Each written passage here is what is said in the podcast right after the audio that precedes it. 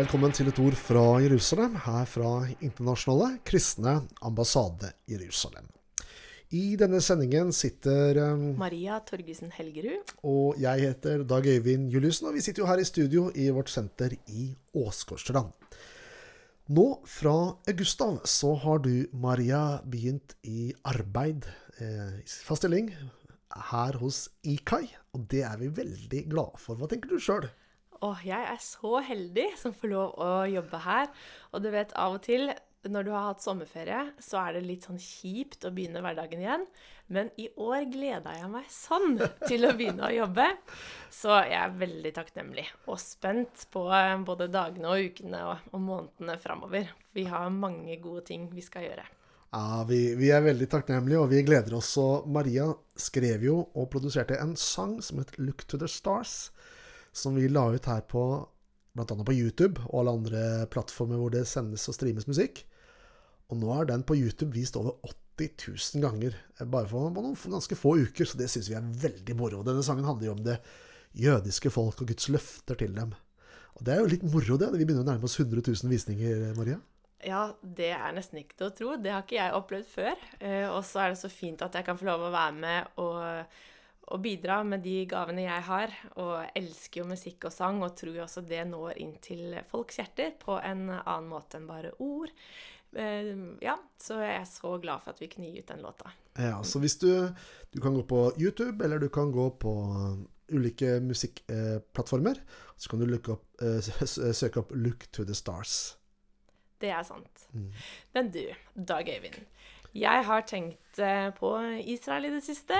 Eh, og jeg har tenkt på Bibelen. Bibelen er jo en viktig bok for en kristen. Eh, det er denne boken hvor man lærer om Gud, hva Gud er opptatt av. Og visste du at eh, Israel er nevnt eh, nesten 2500 ganger i Bibelen? Wow, det er mange ganger. ja. Jeg tror faktisk det er du som har lært meg det. Så. Men jeg syns det er så fascinerende, for eh, det er ca. 1,5 gang i snitt per side. Så det er jo veldig ofte, og da er det kanskje veldig viktig for Gud, egentlig, det her med Israel. Um, og da har jeg tenkt hvordan snakk, eller Hvorfor er Israel viktig på en måte for oss i dag? Og vi kan lese i Gamle testamentet eh, at Israel eh, blir på en måte et folk for første gang, og deres historie leser vi om. Men hva er deres plass i vår teologi i dag? Og så har jeg hørt dette ordet som heter erstatningsteologi. Hva er det for noe? Ja, Det er kort den tanken om at når jødene forkasta Jesus som Messias, eller han ble korsfesta, så forkasta Gud jødene. Og det er noe som har preget kristenheten, eller kirken, opp gjennom hele historien. Eh, hvis du ser hva kirkefedrene sa, som levde i det ja, rundt tredje-fjerde århundre, så var de alle sammen preget av denne tanken om ikke bare at Gud er ferdig med jødene, men det var et fiendskap mot jødene. Det var åpenbart hat. Og i kirkemøtet i Nikea eh, i år 325 etter Kristus så ble denne holdningen sementert. Og den kom til å prege kirken opp gjennom hele historien. Slik at når vi kom til reformasjonen på 1500-tallet, som vi er veldig takknemlige for fant sted, da var det veldig mange viktige sannheter som ble løftet frem med Skriften alene, nåden alene, troen alene osv. Vi skal ikke gå til kirke for å betale avlat for å få tilgivelse for våre synder, men, men viktige evangeliske sannheter ble løfta fram. Men det skjedde ikke noen reformasjon i synet på jøder. Og den erstatningsteologien Gud er ferdig med jødene, den fortsatte å prege kirken opp gjennom historien.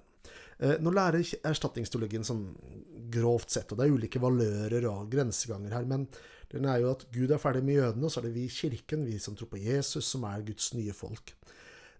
Det er jo en halv sannhet for også vi som tror at Gud ikke er ferdig med jødene. Vi tror at vi som tror på Jesus, har også blitt Guds barn.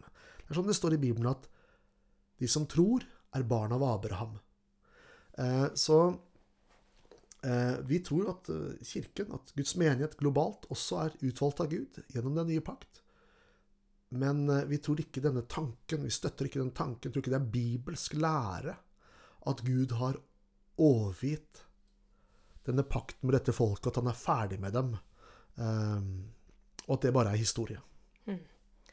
Ja, for i Gamle Testamentet så ser vi at Gud bruker store ord om Israel. Eh, De er hans øyensten, hans utvalgte folk. Han gir dem løfter. Så det er jo litt interessant eh, tanke, egentlig, om eh, at de nå ikke At løftene lenger ikke er gjeldende for dem, at Israel på en måte er borte fra eh, vår tids eh, tro og det Nytestamentets eh, lære videre, da. Mm. Tror vi må prate litt mer om det, for jeg har mange spørsmål. Det skal vi gjøre, men først skal vi høre på litt musikk.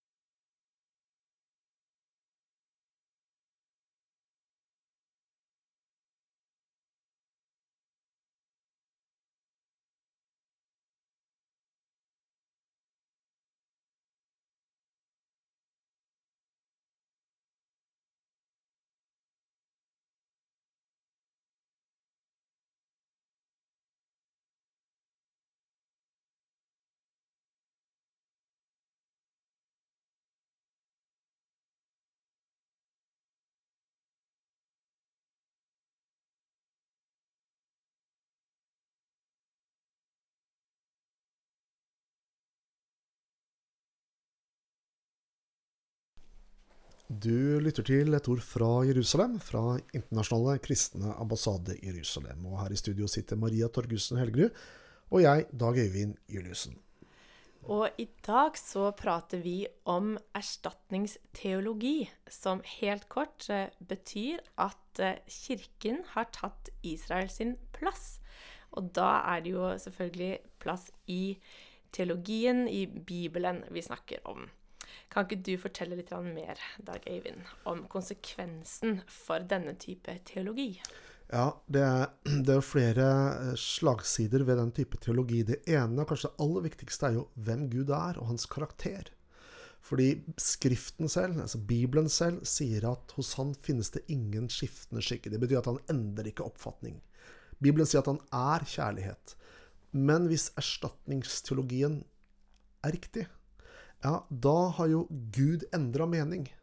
Da kan ikke vi som mennesker, små mennesker, stole på hva han sier i sitt ord. Eh, ikke bare det, men han har jo til og med inngått en pakt med dette folket. Og hvis han bare har kastet den over bord, da kan jo vi kristne begynne å lure på hvordan kan jeg være trygg på at jeg kommer til himmelen og er et Guds barn hvis jeg tror på Jesus? Nei, det kan du ikke være trygg på. Hvis Gud er en slik som bare forkaster løfter som han har gitt, og ikke minst pakter som han har inngått. Den andre siden av det er jo at vi som kirke fullstendig ignorerer og skyver bort hvordan Gud handler med dette folket i dag. Og det skulle vi jo ikke gjøre. Hvis Gud arbeider med dette folket skulle, og er opptatt av dette folket på en særskilt måte, da skulle vi også som kirke være det. Så det er bare sånn kort oppsummert. Ja, og det her var jo en tanke som begynte ja, det er noen århundrer etter Jesus eh, levde, eh, hvor eh, mennesker så at jødene de forkasta Kristus, og da må Gud ha forkastet dem. Men det er vel ikke så mye Eller hvordan er den bibelske dekningen i forhold til den teologien? Nei, du må jo endre på skriftene, eller forståelsen av Bibelen. Paulus er jo veldig klar og tydelig, og i det store, viktige brevet til menigheten i Rom, altså romerbrevet, hvor han på en måte oppsummerer hele liksom Guds frelsesplan og historie, på en måte, der gir han jo mye rom og plass til dette med, med jødene. Ja, det stemmer. Eh, I Romerbrevet kapittel 11 så er han jo veldig tydelig og går rett inn i kjernen, hvor han sier Har Gud forkastet sitt folk? Har Gud forkastet Israel? Nei, langt derifra. Det er noe av det mest tydelige vi kan egentlig finne rundt dette, vil jeg tro. Ja da, og du finner det også Peters preken i Apostels gjerning kapittel 3. Der snakker han om dette folket, at Gud ikke er ferdig med dem. Du finner i Galatebrev om pakten som ikke er opphevet, og, og, og mye, som jeg sier, i Romerbrevet. Eh, og, og, Paulus er veldig klar på, på, at Gud ikke er ferdig med jødefolket. Så det er på en måte en menneskelig eh, klipp og lim-teologi, hvor man har tatt bort sider av Guds ord som har ført til at eh, man har kommet til dette plassen av erstatningsteologi. Ja. Så hvis Gud da ikke er ferdig, men fortsatt eh, så er Israel Guds øyensten og hans utvalgte folk, men Gud også ønsker fremgang i kirken, hvordan ser dette ut framover? Ikke sant? Det er et både-og. Og det er ikke sånn at Gud elsker jødene, men han elsker ikke arabere, han elsker ikke, ikke jøder. Han elsker alle mennesker like høyt.